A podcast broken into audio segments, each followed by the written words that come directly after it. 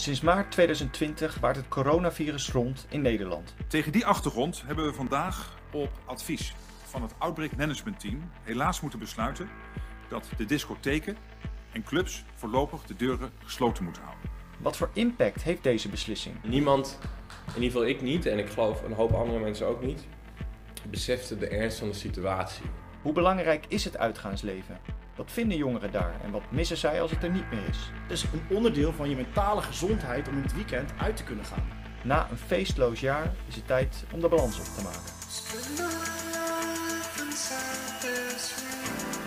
Er heerst zoveel stigma's en, en, en vooroordelen over die hele, over die hele branche. Ja, weet je, je, je, krijgt dat, je, krijgt het, je krijgt het feest toch niet uit de mensen. In de podcast Uitgedanst spreken we met clubs en poppodia, jongeren, wetenschappers en politici.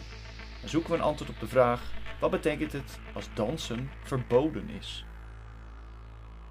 Het begon met lacherig naïef en dat sloeg dan om naar ongeloof van gebeurt dit echt? En na al vrij snel sloeg het eigenlijk om naar wat nu?